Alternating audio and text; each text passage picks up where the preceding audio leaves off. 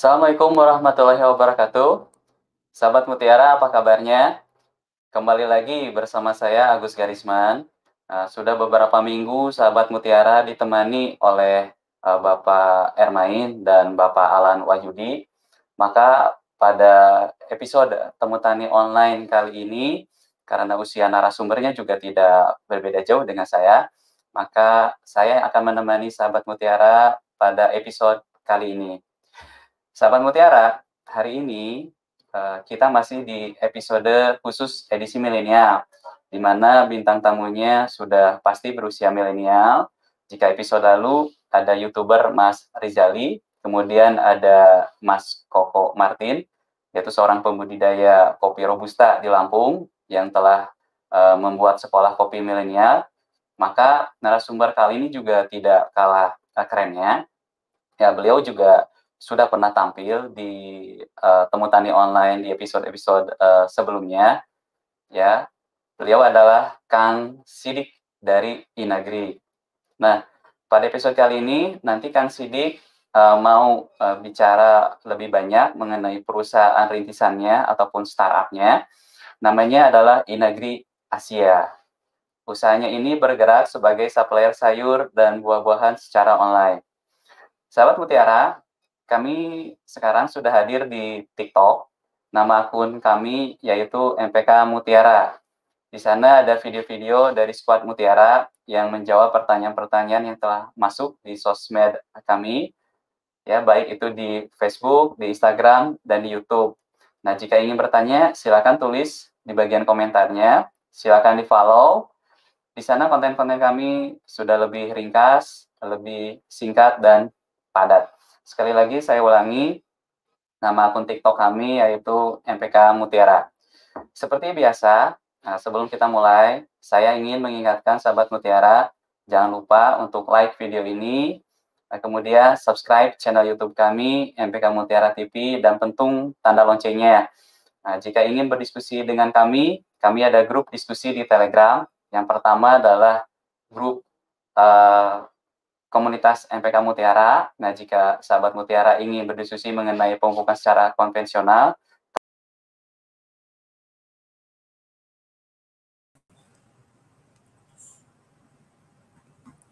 putus. Putus.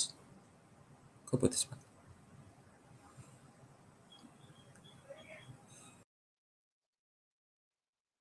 Uh, jika sahabat Mutiara uh, ingin bertanya atau berdiskusi, ya kami ada grup Telegram. Yang pertama adalah membahas mengenai pemupukan secara konvensional, yaitu komunitas MPK Mutiara. Tapi jika sahabat Mutiara ingin berdiskusi mengenai hidroponik, ya kami ada grup hidroponik Mutiara. Bagi sahabat Mutiara jika ingin bergabung kedua grup uh, tersebut sekaligus, maka silakan saja. Oke, kita langsung saja menuju ke Kang Sidik di Bandung. Halo, Assalamualaikum, Kang Sidik.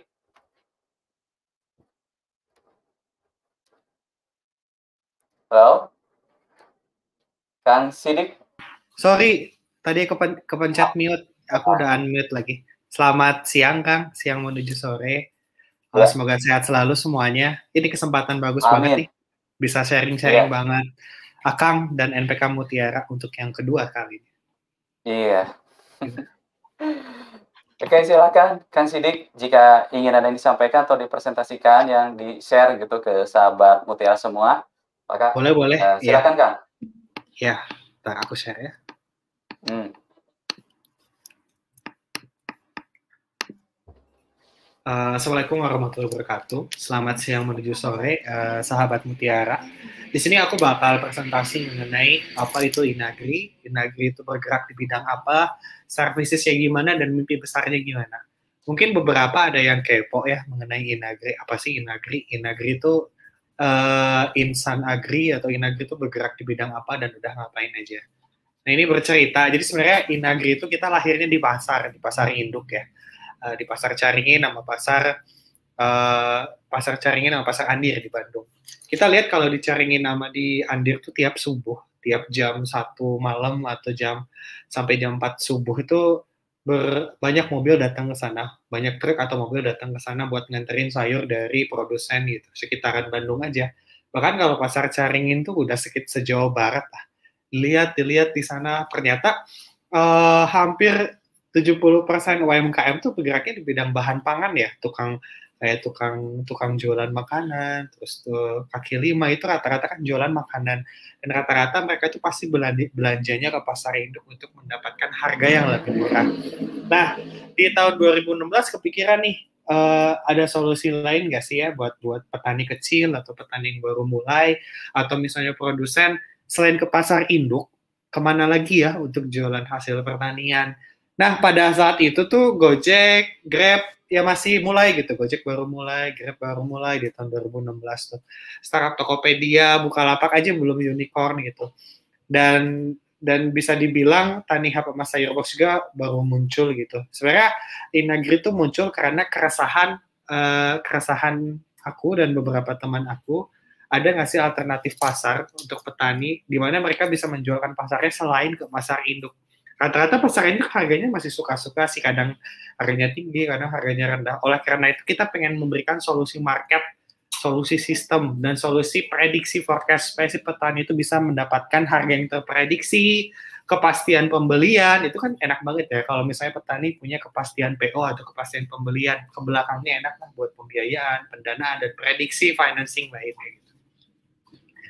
Nah, uh, problemnya ada apa aja sih di pertanian umumnya ya? Ini bisa jadi aku cuma tahu segini sih mungkin teman-teman bisa tahu lebih banyak hal yang lainnya masalah pertanian gitu. Kayak misalnya gini yang pertama tuh akses market buat petani tuh. Sering dengar nggak cerita kang jual hasil panennya ke mana? Ke bandar.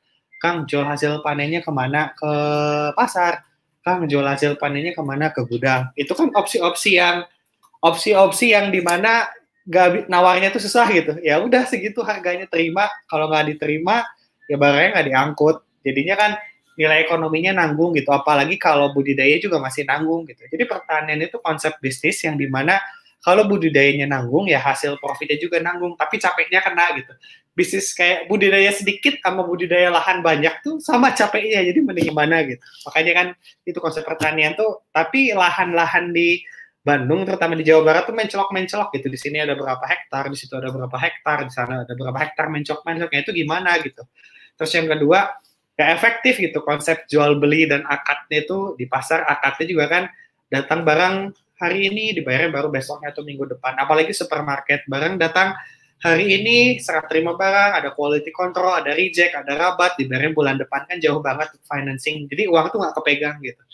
Di satu sisi juga kita pingin bikin sistem di mana petani itu mendapatkan uh, jaminan pembayaran gitu. Kalau misalnya mereka nggak dibayar kan kasihan juga ya, udah susah-susah bertani gitu. Tapi dibayarnya baru bulan depan kan gimana nggak ada jaminannya gitu. Nah ini salah satu beberapa mimpi yang Inagri pengen solve gitu. Tadi akses market yang susah, inefektif di supply chain sama purchasing system, terus nggak ada jaminan pembayaran gitu. Terus di next uh, ini existing bisnis di supply chain itu. Inagri itu kalau secara akta kita udah jadi akta di tahun 2017. NIB kita atau SIUP kita tuh perdagangan besar, which is emang kita bergeraknya di bukan di hulu atau bukan di hilir, tapi kita di tengah gitu.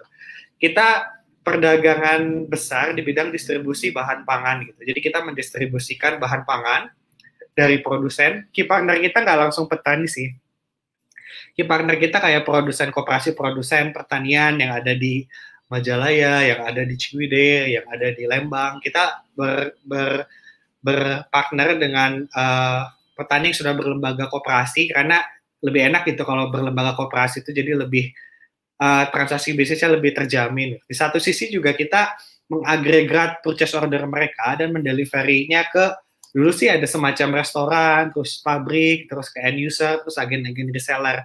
Tapi sekarang karena uh, adanya COVID 2019 sampai tahun 2020 itu pukulan COVID itu something ya kayak misalnya uh, banyak tiba-tiba supermarketnya ghosting, retail-retail ghosting, mereka gagal bayar. Akhirnya uh, market itu berpindah yang asalnya dari dari toko, dari retail, restoran, restoran atau giant kayak supermarket itu tiba-tiba langsung ke rumah tangga. Dalam satu hari itu order bisa sampai 20 titik pengiriman dan itu lumayan capek juga sih gitu. Di satu sisi yang kita provide sebagai supplier itu apa aja? Ada supply, ada logistik, ada invoicing. Itu, nah ini existing business kayak gini, tapi mimpi kita mau kayak gimana sih? Kita lihat ke depannya. Pengennya sih kita jadi platform platform sih yang mengagregatkan kebutuhan outlet atau dan dan uh, services dari produsen itu. Jadi outlet kalau butuh PO ya ya kita minta gitu. Misalnya kalau supplier kalau punya data lahan, data data hasil panen atau misalnya data produk-produk mereka ya dimasukkan di portal kita. Nanti kan terjadi transaksi jual beli di dalamnya gitu. Nanti uh, mereka ada order system, mereka store quotation, bisa agregat logistik juga, bisa manage invoice juga, dan nanti ter terciptalah database-database pertanian yang lebih tersistemasi sehingga mimpi Inagri yang ingin menciptakan akses akses uh, market untuk petani, terus purchasing system lebih efektif dan ke kepastian pembayaran itu bisa tercipta. Mimpinya sih seperti itu. Sampai sekarang kita masih konsisten pengen mencapai hal ini gitu. Di satu sisi kita juga udah banyak bikin produksi produk digital, kita bikin kayak e-commerce engine-nya tersendiri, kita bikin bikin sistem informasi kooperasi buat produsennya sendiri, kita bikin dashboard buat petaninya itu sendiri sampai saat ini kita masih implement buat early adopternya kita. Kita percaya bahwa uh, pertanian itu suatu bisnis yang emang butuh skala ekonomi yang besar gitu. Jadi kalau petaninya masih sendiri-sendiri dan tidak berlembaga, tidak mendapatkan nilai benefit ekonomi yang konsisten. Makanya kan kita lebih enak uh, bermitranya dengan petani yang sudah berlembaga dalam bentuk kooperasi. Dan dalam bentuk kooperasi juga kan anggotanya ada banyak ya. Misalnya dalam satu kooperasi itu anggota petaninya ada sampai 30 sampai 40 anggota gitu. Di situ kan mereka bisa kalau beli pupuk kan nggak usah sendiri-sendiri. Kalau beli pupuk sendiri kan volumenya dikit nanggung gitu belinya jadi agak mahal. Ini melalui kooperasi mereka bisa mendapatkan harga B2B, harga lebih murah. Dan mereka bisa menggunakan sistem kooperasi kita untuk uh, inventarisir hasil panen, inventarisir permodalan, inventarisir pinjaman atau inventarisir uh, historical track record order dari mereka. Nah ini bisnis modelnya dari bisnis modelnya dari Inagri gitu ada pre-order, ada menerima data receive dari akun manager, terus ada yang manage stock buat inventory, terus ada yang delivery sampai pembayaran. Sebenarnya ini sederhana sih, ini kayak bisnis model supply pada umumnya gitu. Jadi Inagri tuh punya konsep e-commerce juga, konsepnya kayak B2B gitu. Kita punya sistemnya juga, kita pernah nyobain ke early adopter kita juga sampai kita juga pernah sampai sales kita pakai sistemnya itu tersendiri. Tapi yang namanya teknologi kan pasti incremental ya pasti terupdate. Makanya kita terus update sih. Terus di next uh, apa sih unique selling point dari kita? Apa yang bikin kita berbeda? Keunggulan kita tuh apa? Kita punya mimpi bahwa kita pengen jadinya on demand gitu. Ketika ketika industri punya kebutuhan, mereka bisa listing kebutuhan mereka dan kita juga bisa listing. Kita punya punya supply apa yang bisa menjawab demand tersebut. Istilahnya kalau di B2B itu ada request for quotation. Di satu sisi akuisisinya tuh nggak usah susah-susah karena kan kita udah menyediakan platform gitu. Silahkan listing kebutuhan, supply dan demand di sini. Yang ketiga, Inagri juga kita kan kiparannya kooperasi-kooperasi produsen ya. Otomatis uh, barang sih barangkali ada yang pengen jualan langsung ke kooperasi-kooperasinya kita ya silahkan kita menyediakan uh, relasi-relasi kooperasi kita untuk saling bermitra dengan nilai benefit yang diunggulkan dalam jumlah. Jadi next total market ya ada hotel, ada restoran, ada catering itu tinggi banget. Ini gue buat satu tahun yang lalu. Ini pasti udah berubah karena gara-gara covid ini setengahnya tumbang gitu. Tapi aku yakin sih hotel-hotel naik lagi sekarang, restoran juga naik lagi sekarang karena orang malas banget di rumah, mereka butuh hiburan gitu di next so far sih ini produk development kita. Kita pengen jadi e-commerce kita pengen jadi naik software as a service kita pengen naik integrated market. Revenue stream kita sederhana sih kita cuma ngambil 10% dari produk margin atau ngambil 11 dolar dari service subscription. Nanti dapat data stock forecasting stock management terus sales distribution. Kita kayak gimana sih? Kita bisa member member point per purchase terus integrated POS system So far dari aku gitu, ini salah satu customernya kita. ini aku bikin lama banget nih slide slide lama banget. Dari aku gitu aja sih kan bisa langsung tanggung jawab aja. Hmm. Oke. Mungkin nggak ada yang ditambahin, Kang? Enggak sih, dari aku dari aku gitu. Nggak ada yang ditambah-tambahin. Oke. Mungkin kalau misalnya secara sederhana disimpulkan lagi misalnya secara singkat aja misalnya, Mas. Sidik. Iya, jadi sebenarnya kita Inagri itu punya mimpi sebagai suatu portal atau suatu platform yang mempertemukan supply dan demand gitu. Jadi bu, sebenarnya bukan e-commerce atau bukan supplier sih. Kita pengennya kayak listing kayak OLX gitu loh, Kang. Hmm. ada supply, ada demand, nanti ketemu. Silakan komunikasi langsung di sana. Kita gak mau Hmm. jadi perantaranya, langsung aja open market. Intinya gitu Hmm. sih, Kang. Kita percaya bahwa dengan adanya teknologi itu kebutuhan supply dan demand semakin vertikal. Produsen Hmm. petani bisa memilih, misalnya memilih produk-produk alsitan atau saprotan juga lebih smart gitu membanding-bandingkan. Di satu sisi juga pihak outlet atau pihak buyer juga mereka bisa mendapatkan penawaran-penawaran lebih kompetitif gitu sih Kang dari aku. Mhm. Tadi saya dengar awalnya mungkin ya intinya sebagai alternatif pasar untuk petani juga ya, Kang? Ya, karena awalnya kita emang sering di pasar, Kang. Awalnya. Jadi Kang Awalnya kita sendirinya lahirnya- juga Akhirnya di sini. sebagai petani. Oh gitu. Oke. Akhirnya emang di pasar kita kita lihat di pasar Andir, pasar Caringin itu tiap subuh tuh dari Hmm. produsen ngirim berapa truk gitu. Terus Iya. eh, hotel, restoran, catering juga bawa Grand Max, bawa callback, beli barang di sana. Wah, kalau ini dibuat virtual asik ya kayaknya gitu sih Kang. Oke. Oke, oke, paham, Kang.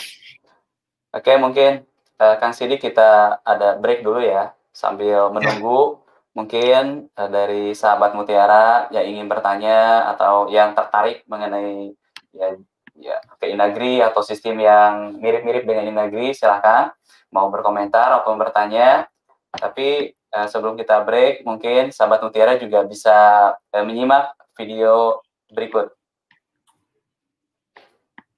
Halo Inagrians! Sebagai negara agraris, Indonesia merupakan salah satu negara yang mengekspor hasil pertaniannya.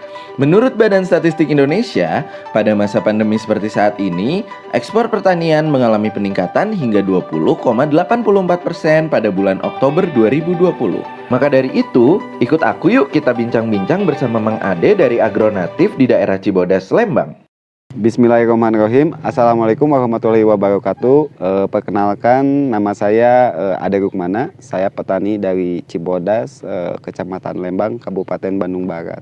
Eh, kebetulan eh, saya di sini sebagai ketua koperasi eh, produsen Agronatif Pratama Indonesia. Agronatif itu berdiri eh, tanggal 21 Agustus 2019. Sebelumnya umurnya belum ulang tahun nih, belum nyampe setahun. Cuman kalau kita terjun di pertanian dari 2013. Nah, alhamdulillah di Agronatif sendiri itu udah berdiri tiga kelompok, udah berdiri tiga kelompok. Kelompok Agronatif Ban untuk eh, peternakan, Agronatif eh, Farm untuk pertanian dan Agronatif Farm untuk agroedowisata. Jadi kita eh, coba terintegrasi eh, si pertanian itu gitu. Eh, salah satu misi visi kita tuh membangun regenerasi muda yang kreatif, inovatif di dunia pertanian ya intinya di dunia pertanian. Kenapa? Karena regenerasi kita kalau Mang Ade tua takutnya nggak ada yang lanjutin usaha Mang Ade, nggak ada petani-petani muda yang muncul di situ. Eh, tujuan utama itu dan mengkolab, mengkolaborasikan atau menduduk barengkan semua instansi terkait mulai dari yayasan swasta, mulai dari perusahaan swasta, instansi terkait. Yuk kita duduk bareng, kita duduk bareng buat ngebangun pertanian di Indonesia gitu. Permintaan sayur dan buah terus meningkat. Maka dari itu, para petani mengembangkan budidaya pertanian modern atau yang lebih dikenal dengan hortikultura untuk memudahkan mereka dalam bertani. Alhamdulillah di Agonatif juga khususnya di Agonatif PAM ya, Agonatif PAM oh, yang fokus ke pertanian itu ada program-program yang kita eh, bentuk seperti eh, program Desa Tani, Koperasi Tani dan eh, 100 greenhouse buat petani kecil, judulnya yang disupport sama BJB. Nah, Desa Tani itu disupport pun sama Dompet Dua Pak saat ini. Jadi konsepnya di sana Mang Ade meng-hire uh, buruh tani, petani yang rambah hutan itu direlokasi ke desa tani dengan sistem yang uh, mudah-mudahan ya menguntungkan mereka karena uh, sama sekali nggak kita pungut presentasi ataupun bunga terhadap mereka. Mereka cukup mengembalikan apa yang mereka pakai. Dan itu pun buat mereka lagi buat periode selanjutnya. Buat uh, sewa lahan lagi buat beli pupuk lagi gitu. Itu konsep desa tani dengan SOP standar yang udah kita tentukan sama pengurus-pengurus koperasi. Nah, fokus fokus di produksinya kita tuh lebih ke horti ya, e, sayuran, buah, daun, sama kubis dan kacang-kacangan. E, program terbesar kita salah satunya baby buncis Kenya ya, yang mungkin kita sekarang saat ini udah bisa kirim ke vendor ekspor sama yang online juga kita ada alhamdulillah. Terus eh, pasar-pasar retail. Uh, yang kedua tomat bib. Yang ketiga uh, apa? Horenso beetroot sayuran daun kayak selada keriting selada romen dan selada head gitu kan lettuce head uh, jadi itu semua benar-benar kita udah konsep udah tertata dan terpola gitu jadi misalkan desa tani satu tuh ada 10 orang. Nah, nanamnya nggak barengan tuh yang 10 orang. Kita uh, bikin menjadi 10 blok. 10 blok dan satu periodenya itu dua orang. Jadi per minggu ada dua orang tanam, minggu depan dua orang tanam, minggu depan dua orang tanam. Jadi kita harus udah mulai memikirkan uh, gimana caranya menjaga kualitas, kuantitas dan yang paling penting kontinuitas. Jadi Eh, kita kondisikan tiap hari ada panen karena kita tiap hari packing gitu itu kan uh, kita saat ini lagi campaign juga nih. Ini udah udah udah tugas kita bersama. Ya buat uh, ngerubah mindset uh, masyarakat tani khususnya dan masyarakat umum uh, biar bisa lebih melek terhadap teknologi Uh, di Mang Ade sendiri di sini udah ada prototype, kita udah pakai smart farming. Jadi meskipun Mang Ade lagi wawancara gini, sebenarnya Mang Ade lagi nyiram nih, lagi bisa nyiram. Jadi uh, udah uh, apa? Smart farming yang sistem IoT, jadi Mang Ade udah bisa nyiram uh, via HP gitu. Uh, penyiraman, uh, pemupukan, bahkan uh, untuk membuat sebuah racikan yang dibutuhkan tanaman itu udah secara otomatis PPM-nya umur sebulan berapa, uh, umur dua bulan PPM-nya butuh berapa itu udah udah udah terprogram di salah satu di, di sistem di sistem uh, smart farming itu. Ya mudah-mudahan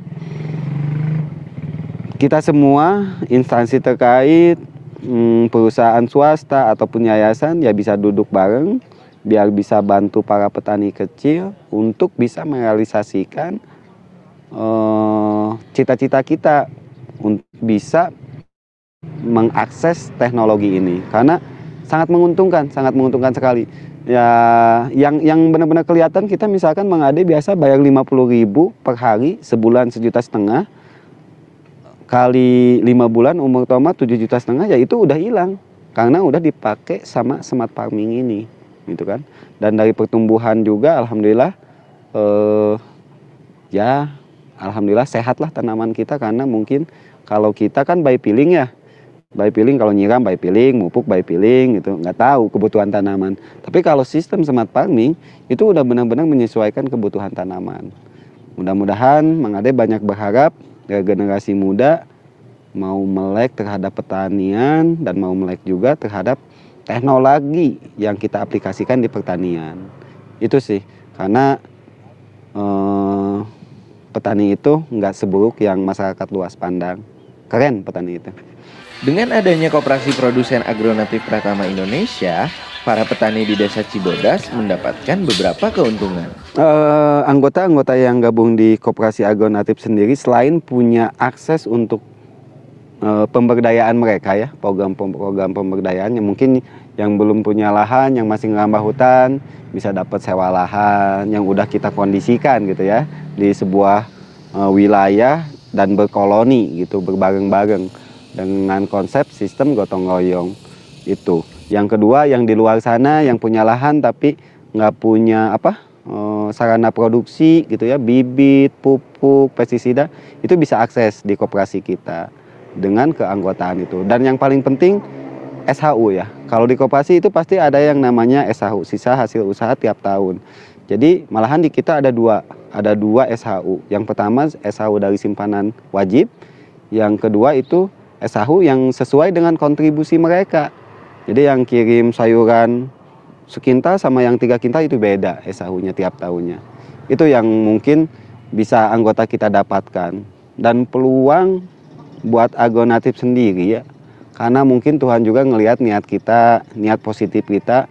Alhamdulillah saat ini banyak stakeholder terkait yang mau support kita. Dan mudah-mudahan itu benar-benar terrealisasi. Yung nggak cuma janji ya. amin, amin. Itu sih, Kang. Kalau dari internal kita udah bisa identifikasi sebenarnya di pertanian tuh ada lima masalah di agro itu ya. Yang pertama luas lahan karena makin menyempitnya lahan banyak relokasi yang alih fungsi lahan gitu ya. Yang kedua modal, yang ketiga itu lebih ke eh, apa? jaringan. Yang keempat itu teknologi. Oh, sorry, poin pertama itu SDM. Jadi itu lima, SDM, luas lahan, modal, jaringan sama teknologi. Nah, ini PR koperasi untuk bisa menyelesaikan semua itu, semua masalah itu. Yang paling benar-benar berpengaruh ke, eh, ke produksi, ke hasil produksi itu SDM. SDM nomor satu. E, tapi bukan artian SDM sumber daya manusia tuh masalah keahlian para anggota kita untuk bertani, tapi lebih ke attitude-nya, e, ke perilaku para petani, masalah kejujuran, masalah keterbukaan pikiran dan masalah willingness dan lain-lain lah, masalah kemauan. Itu sih e, yang harus kita bisa selesaikan di koperasi ini dan dengan kerjasama anggota-anggota yang lain. Kalau dari eksternal mungkin dari yaitu sistem-sistem eh, pertanian yang terdahulu karena kita udah terlalu didoktrin eh, maaf ya dari pupuk-pupuk mungkin yang penggunaan kimianya nggak bijak gitu. Nah kita harus berpikir satu langkah gimana caranya produksi kita tetap bagus, tetap maksimal, tapi tanah kita juga tetap sehat. Itu salah satu uh, tantangan kita dari eksternal. Mungkin ya ke depannya bisa banyak oga yang bisa nyerang kita gitu kan karena tersentil atau seperti apa. Yang kedua untuk masalah dari luar tuh bayar pembeli-pembeli kita gitu kan. Kadang-kadang mereka selalu memanipulasi dengan alasan mau motong mata rantai tapi realnya itu malah menekan makin makin menekan petani gitu kan dengan sistem konsinyasi gitu. Jadi istilahnya orang kecil ngemodalin orang kaya gitu kan sistem konsinyasi mereka jualan ada yang nggak laku dibalikin yang laku dibayar dan itu pun dengan ada tempo gitu kan itu itu yang sangat memberatkan kita nah makanya kita di sini lagi berjuang untuk menciptakan sebuah pasar gitu kan. Seperti PJ Table Truck seperti sistem kemitraan. Itu pasar-pasar yang rencana kita yang kita targetkan kita ciptakan untuk bisa ngebantu penyerapan hasil produksi para petani. Yang pertama untuk benar-benar kita bisa menstabilkan pengiriman kita ke vendor-vendor ekspor eh, saat ini yang paling penting ya ketersediaan lahan sih Kang. Untuk bisa merunning atau merealisasikan pola tanam karena kebutuhan ekspor itu cukup tinggi. Nah, berarti pola tanam kita juga cukup banyak per bloknya dan cukup panjang untuk tetap bisa menghasilkan tiap hari gitu kan. Misalkan eh, penanaman kita per minggunya naik menjadi 5 kilo benih gitu ya. Nah itu kita hitung membutuhkan berapa luas lahan, misalkan 10 hektar. Sedangkan yang tadi kita identifikasi masalah di kita di pertanian salah satunya ketersediaan lahan. Itu yang harus eh, kita selesaikan agar bisa eh, mempertahankan eh, apa ya kontinuitas kita untuk ekspor. Yang kedua kualitas pasti ya kan Eh, berarti kita harus benar-benar bisa meningkatkan SDM para petani dengan uh, capacity building setiap uh, periode lah, rutin lah gitu kan, dengan uh, karena kalau kita terus dengan keilmuan yang terdahulu atau ada dulu ge pertanian mah gini gitu ya. Dulu ge mupuk mah kayak gini terus dulu dulu ge ngobatnya kayak gini itu udah nggak bisa lagi. Karena kita harus update juga karena hama-hama yang nyerang kita juga mereka bertransformasi mereka bisa resisten terhadap satu kimia atau beberapa kimia terus lihat cuaca pun e, sekarang udah terus berubah. Makanya kita e, berinovasi untuk menjaga itu semua dengan cuaca yang misalkan curah hujan tinggi ya kita harus bisa ngebangun rain shelter ini gitu kan? Supaya tanaman-tanaman buncis kenya kita ini bisa terjaga dari serangan jamur atau hal-hal yang bisa menyebabkan gagal panen gitu. Karena curah hujan tinggi. Itu sih uh, yang lagi kita perjuangkan Terus untuk kuantitas ya itu balik lagi ketersediaan lahan. Karena hmm, polanya e, panjang, kebutuhannya besar, ya kita butuh luas lahan yang cukup gitu sih.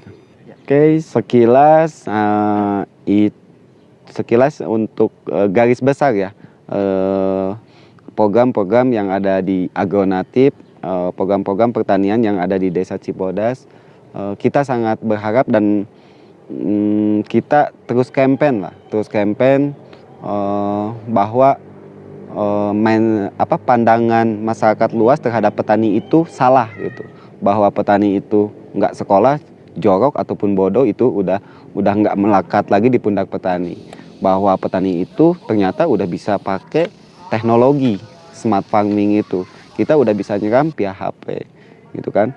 Mang Ade sangat banyak berharap regenerasi muda mau lah mau terjun ke pertanian karena faktanya di pandemi sekarang yang bisa benar-benar bertahan bidang usaha ya pertanian. Karena selain e, masyarakat luas masih butuh makan ya butuh sayuran gitu kan. Ya alhamdulillah. Jadi sampai kapan pun yang namanya pertanian masih tetap dibutuhkan. Jadi fakta fakta sangat benar-benar memperlihatkan lahan makin sempit, tapi perut manusia terus bertambah. Itu peluangnya sangat besar. Itu peluangnya sangat besar. Dan jangan berpikiran bahwa petani itu jorok, bahwa petani itu berkotor-kotoran lah. E, kita udah bisa memakai sistem-sistem e, yang modern, yang modern lah, dengan digitalisasi dan lain-lain. E, mudah-mudahan e, apa ya? Ya istilah petani milenial itu bukan umur aja ya, tapi petani yang pola pikirnya mau milenial. Itu sih itu. Itu pesan saya. Mudah-mudahan uh, semua ini bisa bermanfaat buat semuanya dan berkah buat semuanya. Amin ya rabbal